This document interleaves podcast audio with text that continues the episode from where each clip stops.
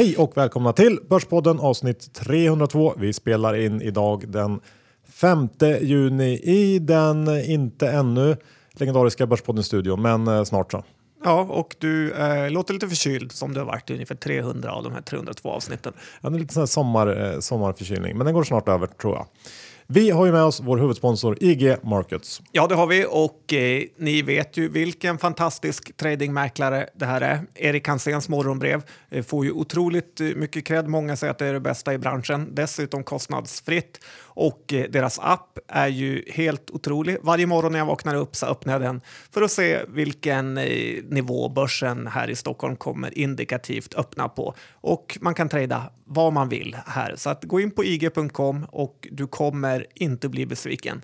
Eh, sen får vi säga att de finns ju börsnoterade i London och eh, gick ju faktiskt riktigt bra på börsen här sista tiden. Så att eh, IG är en stor, stor mäklare. Ja, bara att signa upp sig. Den här veckan John, så kommer vi ju att gå igenom lite rapporter. Jag har såklart eh, fördjupat mig i Clas Olssons siffror här på morgonen. Eh, vad har du tittat på?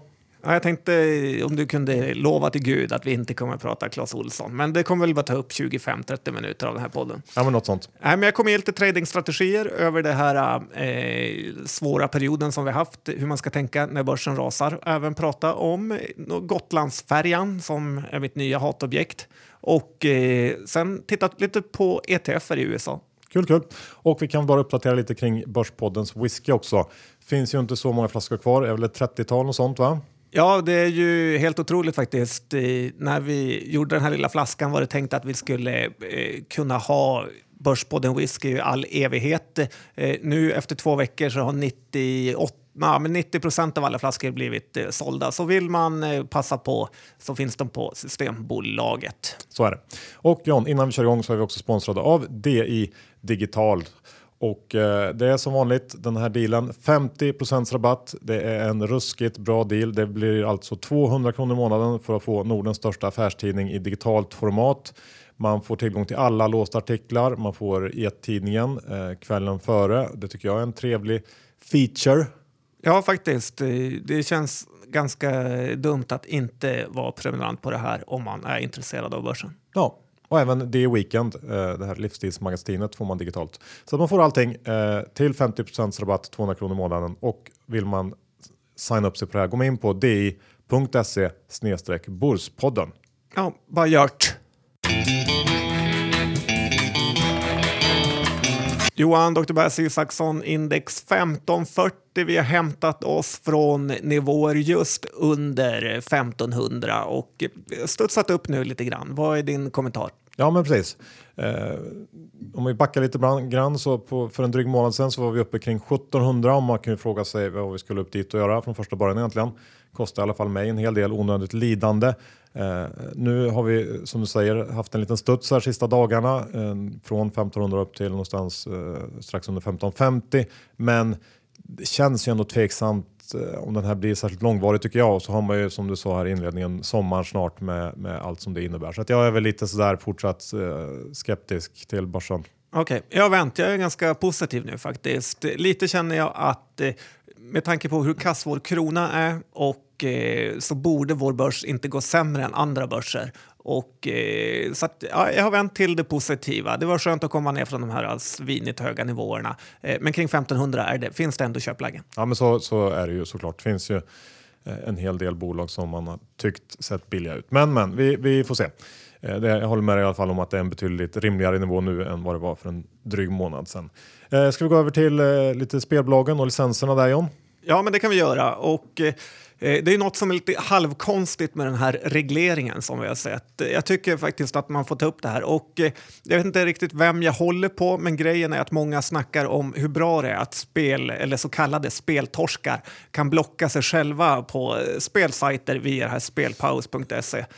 Men problemet är ju att anledningen till att man är en speltorsk är ju att man är beroende och därför går alla som är spelberoende förr eller senare in på då ofta mestadels asiatiska sajter eh, som inte har någon sån här spellicens och där spelar de bort sina pengar.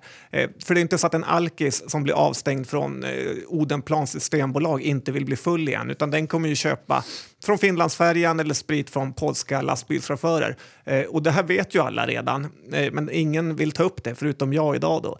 Eh, och dels är det för att det förstör lite glansen för politikerna med den här spellicensen, men också för att det är just precis så här eh, spelbolagen själva jobbade under under perioden då i princip bara Svenska Spel egentligen var tillåta, eh, tillåtna. Men det viktiga är ju egentligen att eh, regleringen nu eh, inte hjälper spelberoende egentligen, utan det flyttar bara problemet till asiatiska sajter som i är ännu ondare än vad de svenska spelbolagen någonsin varit. Så att den enda lösningen som jag ser på det här är att blocka de här äh, sajterna på statlig nivå. Men då är vi ju inne på en äh, censur som vi kanske inte vill gå till. Ja, men det tror jag vi vill. Jag håller med dig där. Eh, nu har man ju ändå äh, fört, infört det här licenssystemet så då måste man ju se till att, att reglerna efterföljs och jag tror att det här är delvis en förklaring till varför det var så dåliga siffror som det var i, i Q1 för alla spelbolag. Eh, och det såg ut som att marknaden faktiskt krympte lite grann. Eh, jag tror inte den gjorde det utan jag tror att eh, de, de här typen av spelare flyttar sig liksom ut ur systemet så att säga som du är inne på här. Och um, ja, ja, jag tycker att man kanske borde agera lite hårdare från myndighetshåll här. Det är mycket snack om, om reklamen och det här och uh, det kanske man borde tona ner lite grann och istället fokusera på, på de här bitarna så att kanaliseringen som uh, man säger blir uh, så hög som möjligt. Ja, helt enkelt. Något får de göra om de vill hjälpa de spelberoende. Ja. jag tänkte prata lite om Oligark-Johan. Okej, okay. en ny kille. Ja. Berätta. Nej, men, um, de nordiska bankernas penningtvättshärvor har ju faktiskt börjat spela över på gemene man. Eh, mig själv då för att vara lite mer precis. Jag har ju Danske Bank eh, för lönekonto, betala räkningar och så vidare. Och deras nya eh, nästan Orwellska eh, KYC-procedurer är faktiskt rätt sinnessjuka. Know your customer. Ja, Eh, för jag har de senaste åren gjort lite onoterade investeringar och, och köpt uh, utlandsboende uh, och sådär. Det har rört sig om några gånger när jag har, har liksom skickat större summor över mitt danska bankkonto. Uh, definitivt inte oligarkstora i och för sig, men tydligen tillräckligt stora för att väcka Danske Banks KYC-avdelning och Eh, Eh, jag fick något samtal här för någon vecka sedan och efter det så har jag blivit tvungen att skicka in någon makalöst mycket dokumentation över egentligen allt eh, som jag gör eh, känns det som. Säkert ett 20-tal olika dokument, allt från kontoutdrag, lönespecifikation, innehavsredovisning på Avanza. Ehm, de ville till och med ha förklaring till en del Swish transaktioner jag hade gjort och även om jag förstår syftet med det här så tycker jag ju dels handlar det om mina egna skattade pengar. Man är ju lite så att eh, kan man inte få ha det för sig själv. Eh, och det borde också gå att göra smidigare eh, tänker jag. Men mm, hel, jag, jag antar att jag inte är ensam om det här och att många av, av egentligen alla stora banker har liksom snappat upp sig på de här efter efter då alla skandaler och att man är rätt rädd nu, men att det har gått liksom alldeles för långt. Eh, det här gör ju att eh, jag gissar jag kunderna blir förbannade och Dessutom så måste det kosta multum för alla banker att följa upp den här typen av liksom pissspår som jag ändå är. Jag är ingen oligark och jag har liksom alla mina transaktioner har ju varit helt legit om man säger så. så att, det vore ju um, kul om du sa något annat här. Men, men kontentan av det är väl helt enkelt Bäs Bank Ja, faktiskt. Det måste kosta otroligt mycket med tanke på den tiden du har suttit i telefon. Och jag skulle vilja se deras miner när du skickar in eh, din blankardepå till Danske. Och, eh, det kommer ta ett tag innan de har rätt ut det där kan jag säga. Ja, och, och bara de, de här swish-grejerna, det var ju att eh, jag var, jag var klassförälder till min sons eh, klass och hade hand om klasskassan och hade fått massa swishar på 100 kronor. Eh, jag vet inte, är det verkligen deras sak att eh, titta på? Jag tycker inte det. Men vi lämnar det och går över till eh, ett par ETFer som du har kikat på. Ja, men det finns ju två stycken här. Den ena är Eh, den vi pratat mycket om, PFF, och den andra är TLT. Eh, det är ju lite trist att eh, Finansinspektionen och gänget satte satt stopp för att handla ETFer, men det man kan göra är ju ändå att följa dem och få lite information där. Den här PFF är ju bara amerikanska preffar och det jag märkt är att trots att den amerikanska räntan kollapsat sista tiden så har inte den här fonden eller ETFen stigit mer. Det känns som att preffarna har nått sitt tak kring den nivån vi är på nu, både i Sverige och USA faktiskt. Eh, jag tycker det är värt att tänka på. Och tittar man på de eh, svenska preffarna här, Akelius på 345, Sagax D på eh, 35 och Kåren-preffen på 340, 345 så ser man helt enkelt inte någon uppsida. Men andra ETFen det är ju amerikanska statslånepapper då, med 20 år i löptid eller mer. TLT heter den. Den ger en utdelning på 2,63 och ETFen kostar 130 dollar och är i närheten av sin all time high. Eh, långa räntepapper fungerar ju så att om räntan går upp så går fonden ned och eh, på så sätt går yielden upp. Eh, och det är en perfekt hedge till börsen faktiskt och det är återigen trist att ETFer eh, tagits bort av de kära myndigheterna. Mm, håller med, TLT har jag också tittat på eh, många gånger genom åren och den ja, är intressant. Um, ska jag avsluta första delen med eh, eh Gotland? Du har varit där. Ja, det har jag faktiskt. Och eh, Gotlandsbolaget som jag såg eh, fick beröm av Per här på Twitter för att de hade en extremt proffsig årsstämma. Eh, och det kan de säkert ha, men du åker till Gotland kanske fyra, fem gånger per år eh, så finns det faktiskt inget mer jag hatar än destination Gotland. Eh, servicen och omtanken om passagerarna är ju nästan noll där och personalen som jobbar i restaurangerna är så inkompetenta att om en endaste av dem hade fått testjobbat på McDonalds så hade de fått sparken direkt. Eh, Gotlandsbolaget är de som äger Destination Gotland-färjorna och eh, de handlas på börsen faktiskt till eh, typ 1400 kronor per aktie.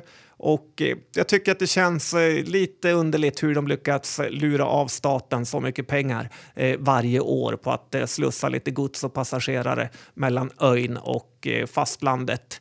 Eh, tyvärr ska jag dit på Almedalsveckan igen Johan, så att eh, det finns inget annat val än att eh, sponsra Gotlandsbolaget med lite pengar om man vill ta med sig bilen dit faktiskt. Så att, eh, ja, de har ju någon slags äckligt monopol där på trafiken över, över Östersjön och känns ju inte helt rätt. Det har väl gjorts några försök att uh, bryta sig in där. Han, vad heter han, Pigge? Verklin. Ja, har ju försökt va.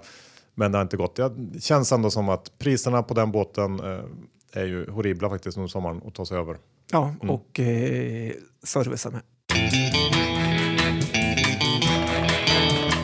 Vi är också sponsrade av Lendify den här veckan John. Uh, Lendify, bli din egen bank kan man säga. Vi brukar säga det. Ja, och jag var inne och kollade på kontot här i, häromdagen faktiskt och det är ju så kul hur man får de här hundratals återbetalningarna av lån som verkligen förstärker ens kassaflöde. Eh, en dag, jag tror det var den 28, så fick vi återbäring, ränta och amortering på över 500 lån. Eh, så att jag kan ju bara säga Lendify fungerar verkligen och eh, man ska ha fler än ett eh, kassaflöde som kommer in om man vill kunna retire early eller bara känna lite extra trygghet i vardagen. Så att gå in på lendify.se. Ja, och kommer man in på lendify.se snedstreck Bordspodden signar upp sig där och stoppar in minst 20 000 som man sen investerar, ja då får man ju faktiskt, vad då John? Ja, då får man 500 spänn och det är en riktig kickstart till sitt sparande. Så är det. In och gör det. Ja, jag känner väl att vi får börja med Clas Olsson så jag får ur mig eh, det. Eller vad säger du John? Ja, men det är väl lika bra. Ja. Det har ju tagit upp eh, större delen av den här morgonen. Eh, så att, shoot! Ja, men rapporten nu på morgonen då såklart. Och Trots att ledningen uppenbarligen varit ute och masserat rejält, vi ska återkomma till det, så var resultatet en eh, besvikelse får man säga. Förra Q4, alltså förra årets Q4, var en katastrof. Så ribban låg inte världsrekordhögt direkt. Men... De har ju brutit räkenskapsår ska ja, vi säga. Mm. Men trots det så missar man ebit och kom in på ett underliggande ebit eh, då rensat för de här Eh, lite suspekta eh, strukturkostnader de tar som var i princip eh, på samma dåliga, dåliga nivå som förra året. Och när det gäller den här massagen, aktien har gått upp våldsamt de sista veckorna efter att som jag tolkar det, ledningen varit ute och matat analytikerna med info. I samband med Q3 så sa man ju att ebit för hela året skulle komma in runt eller på 3% Men hux flux så höjde i princip alla som följer bolaget estimaten till runt 3,5 bara någon vecka innan Q4. Eh, och det är väl, ligger väl ganska nära till hands att anta att de eh, har fått lite tillrättavisning av bolaget. Och så får man såklart inte göra. Kan ju bara hoppas att det blir någon typ av påföljd. Men åter till rapporten. Eh, det fanns eller finns eh, väl egentligen ingenting eh, enligt mig som tyder på att utvecklingen ska börja vända för Clas Ohlson. Tittar man på eh, Eh, kassaflödet till exempel här i Q4 så var det riktigt uselt och svårt att få fram vad det beror på eh, för det finns inte några kommentarer kring det i rapporten. Men kassaflödet från rörelsen ligger på 100, minus 160 miljoner den här Q4 jämför och det är eh, faktiskt närmare 50 miljoner sämre än förra året. Eh, rejäl varningssignal tycker jag. Känns som att man har trixat med något i resultaträkningen, eh, vilket då gör ändå att utvecklingen under Q4 är betydligt sämre än väntat i min bok i alla fall. Den lilla ljusglimt som fanns var väl majförsäljningen som ökade med 5% men då ska man komma ihåg att jämförelsesiffrorna för maj eh, förra året var riktigt lätta och eh, det faktum att i juni förra året så firade Clas Ohlson eh, 100 år som bolag och man genomförde då enorma kampanjaktiviteter under juni. Eh, det drev försäljningen rejält i juni månad, totalt 13 procent faktiskt i lokal valuta. Eh, och det är nog inte en alltför vågad gissning att man höll kampanjer och liknande på ett minimum under maj förra året, vilket gör att man väl i alla fall ska vänta tills vi har junisiffrorna innan man, man ropar hej här som jag ser att många har gjort kring majsiffrorna. Um, och, du tror inte att det blir lika stort när de firar 101 år? Jag tror inte det. Man vet ju inte. Men eh, jag vet inte hur... Någonstans över 100 då börjar man väl närma sig åldern då man kanske eh, riskerar att dö. Jag vet inte. Ja, det är någon som säger det. Lite läskigt är det ju ändå. Eh, fortsätter man titta framåt så har vi också dollarn som, på snart, eh, som snart på allvar kommer att börja bli eh, riktigt jobbig för Klasse. Man hedgar ju en stor del av det här flödet men i takt med att de här hedgarna löper ut så kommer det också bli allt tuffare samtidigt som den norska kronan faktiskt eh, börjat försvagas mot seken på slutet och det är också eh, väldigt negativt för bolaget. Um, en stor del av, av eh, Clas Ohlson-aktiens svårbegripliga attraktion antar jag är den här höga utdelningen. Man håller ju kvar vid 6,25 per aktie, det var väntat, men delar upp den i två delar för att orka med eh, rent kassaflödesmässigt. Eh, nu hade man ju man har ju lovat att hålla utdelningen här under den här liksom, perioden när man ska transformera bolaget, men egentligen så tror jag inte att man alls känner sig bekväm med de här nivåerna. Eh, det smarta hade ju varit att, att uh, typ halvera den, uh, vilket man ju ändå kommer att bli tvungen att göra förr eller senare. Kanske? Ja, kanske precis i, min bok återigen. Um, för Clas Ohlson genererar ju inte och som jag ser det kommer inte generera i närheten av tillräckligt mycket pengar för att täcka den. Um, kring 90 spänn som aktien står i nu så har vi ju någon slags nosebleed levels om man ska prata amerikanska på alla multiplar. Eh, den handlar ju liksom som något av, eh, av Armfeldts medtech-case tycker jag, rent värderingsmässigt. Och det är svårt att förstå. Ja, jag kan förstå din negativitet, eh, framförallt när man läste rapporten på morgonen. Eh, det var väl ingen katastrof eh, ändå, men på konf så vände jag ändå till lite mer positiv. Det kändes som att Lotta hade greppet om det här och hon gjorde ett bra intryck. Även om hon eh, sa att eh, what we call hårda nyper in Swedish eh, som eh, fick lite konstig stämning på hela eventet. Men eh, ja, jag tyckte Lotta ändå gjorde det bra, men såklart, det är ju en svettig period framöver. Nej, men det, har ju, det, det gjorde hon ju såklart, hon är ju duktig. Men här får man också komma ihåg att de hade anlitat den mest HC-analytikern som moderator av frågestunden, kom i princip inga eller ingen eh, mer settig eller kritisk fråga, utan det var ju väldigt mycket klappa med hårs. Så det var svårt att få ut så mycket av den där, den där konfkålet om vi nu ska recensera det. De hade ju blockat ditt nummer när ja, du ringde det, dit. ringde och ringde, gick inte. Men eh, köper man aktien här i alla fall så måste man ju tro eh, inte bara att Lotta levererar precis allt hon har som målsättning att göra. Man måste ju dessutom tro att det blir ännu bättre i princip och att de här strukturella trenderna som bolaget har emot sig inom retail eh, helt magiskt försvinner. I alla fall så, så som jag ser det. Så att, eh, jag ser ju ingen anledning för egen del att inte vara fortsatt kort där, även om det har gjort ont på slutet.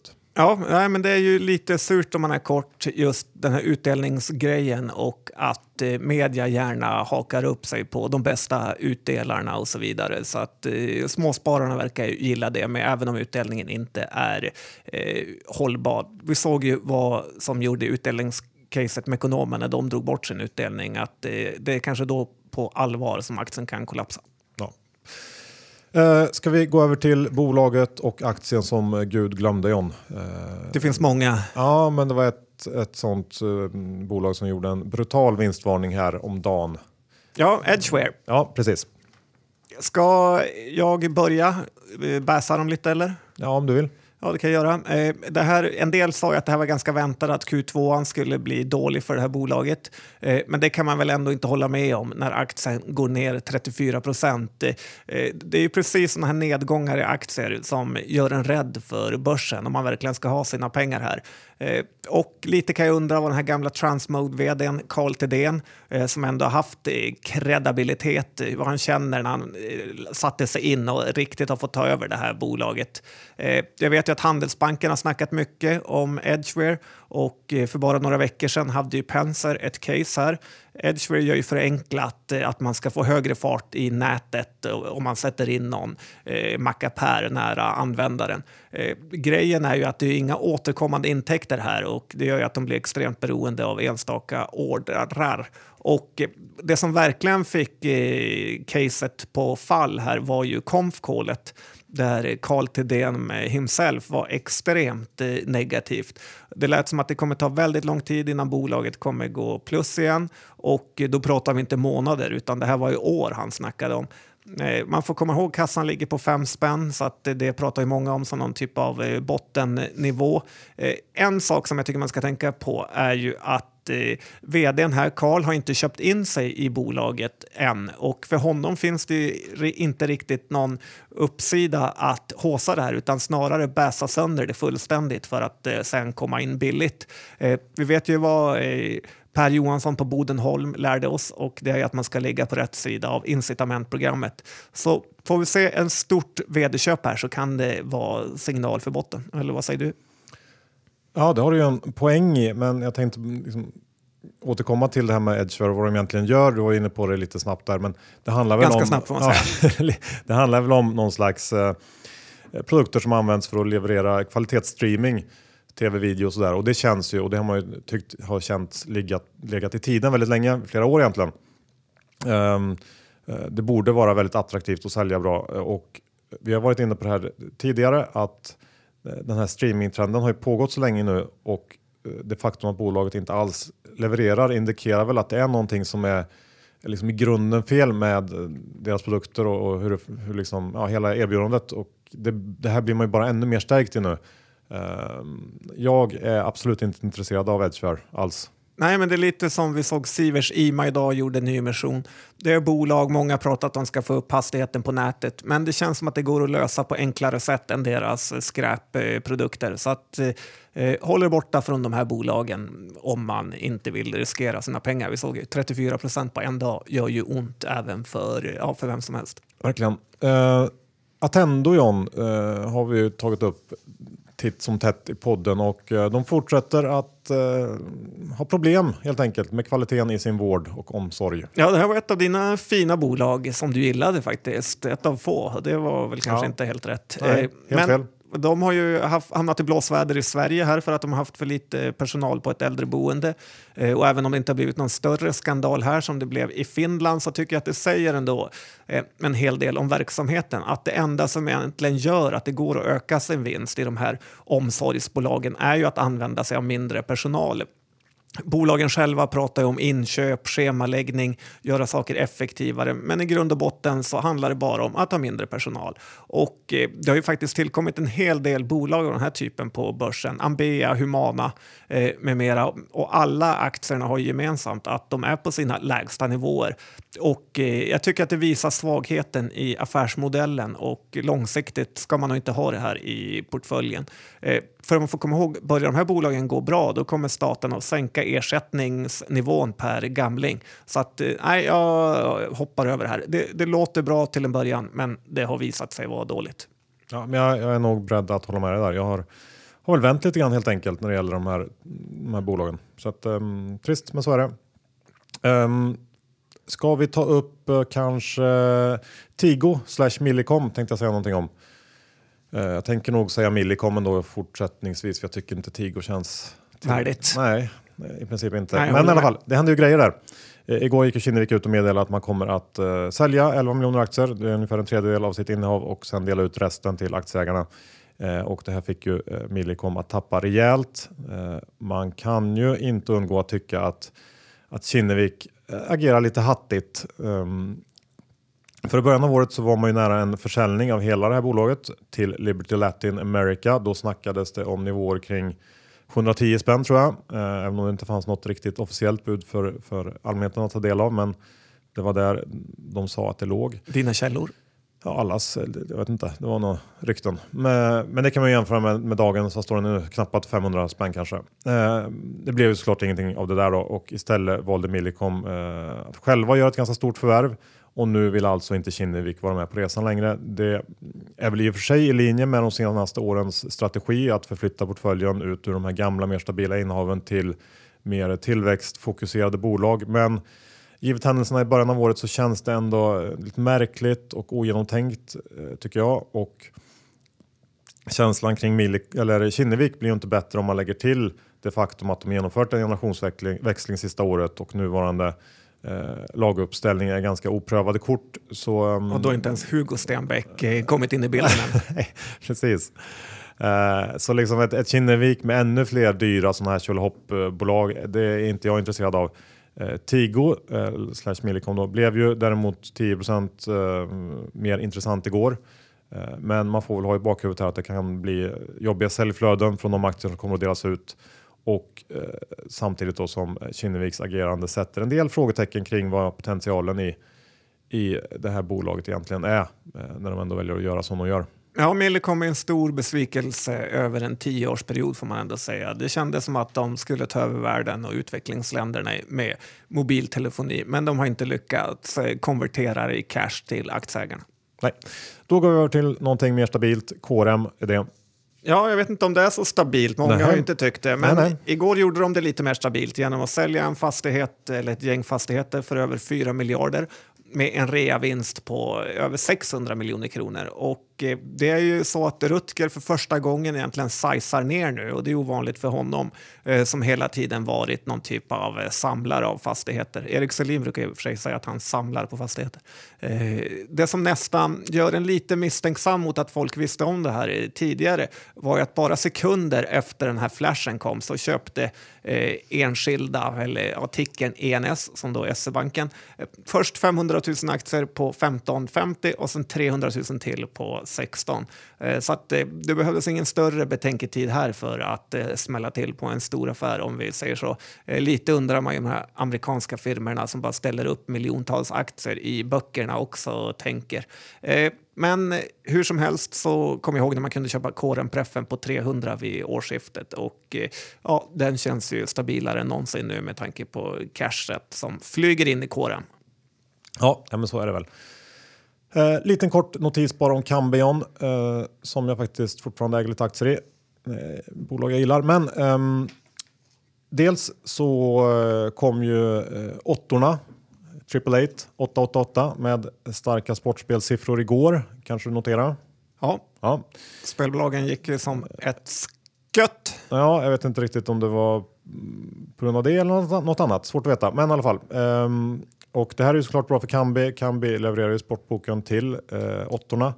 Eh, och jag läste också att eh, det här bolaget som de köpte upp då, konkurrenten till Kambi, BetBright, eh, det kommer fram lite mer information kring det där och det lät väl som att det inte kommer bli en, en, liksom en dödsjobbig konkurrent för Kambi ändå för att BetBright som jag förstår det var väl mer eller mindre konkursfärdigt när åttorna förbarmade sig över dem så att, eh, att det här skulle vara någon slags spjutspets eh, liksom team de har fått in, det verkar tveksamt. Det, det verkar som att de här pengarna som eh, åttorna betalade för BetBright eh, mer eller mindre gick åt för att, till att liksom täcka skulderna och, och liksom, eh, ja, leverera pengar till alla som de var skyldiga. Ja, det var ju Ehm. lite konstigt när budet kom eftersom det var ju extremt lite pengar som de köpte BetBright för. Däremot var det konstigt med kursreaktionen på eh, Kambi som fullständigt kollapsade den dagen. Ja, så det, det känns väl som att nu när man har fått lite mer info kring det så gissar jag ändå att eh, åttorna kommer att behålla Kambi även efter den här perioden som man har sagt Eh, allt annat tycker jag vore konstigt. Och dessutom så har det ju faktiskt hänt grejer i USA. Det trillar in nya delstater på löpande band.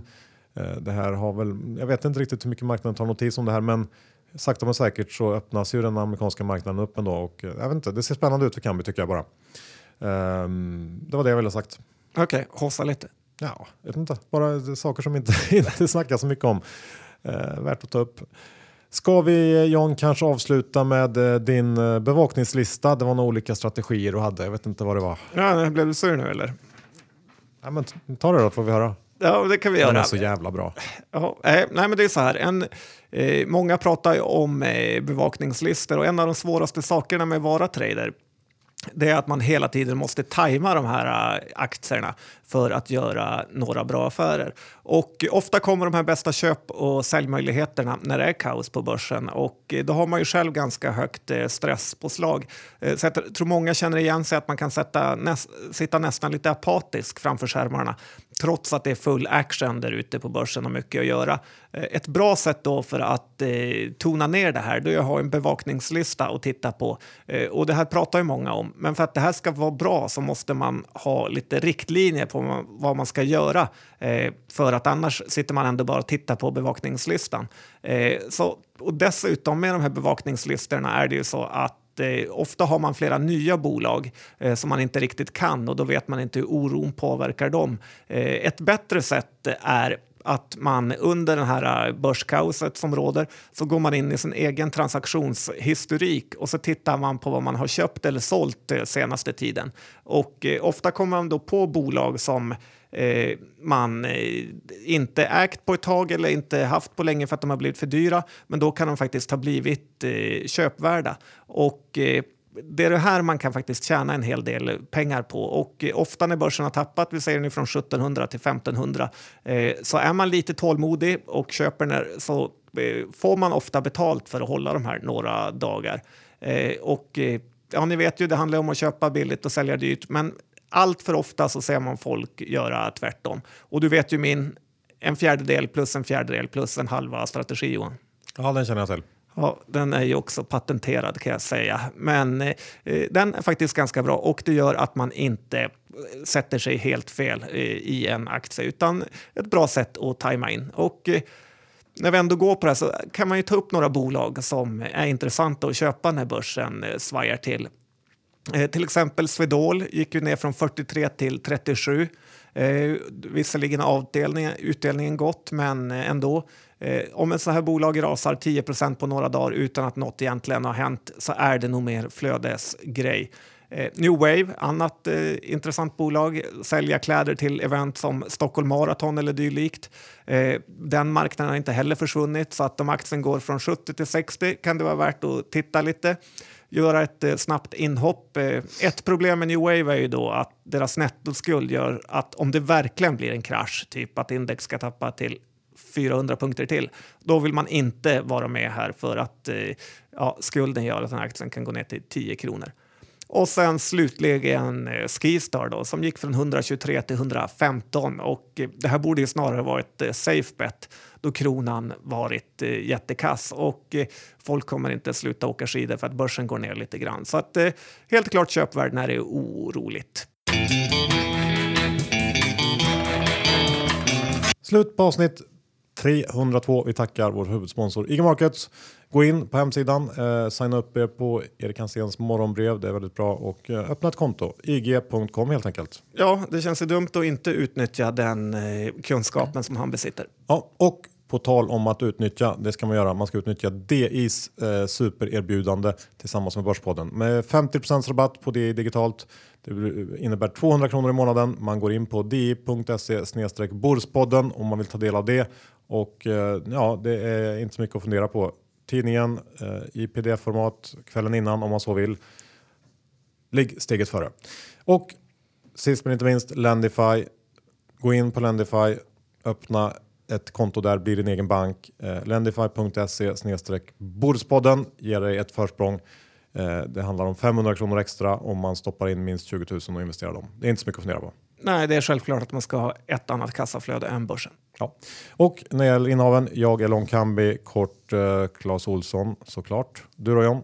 Jag är också kort lite Clas Olsson här, även om eh, jag inte är lika övertygad som dig. Nej. Bra, då vet vi det. Tack för att ni lyssnade. Vi hörs om en vecka igen. Hej då!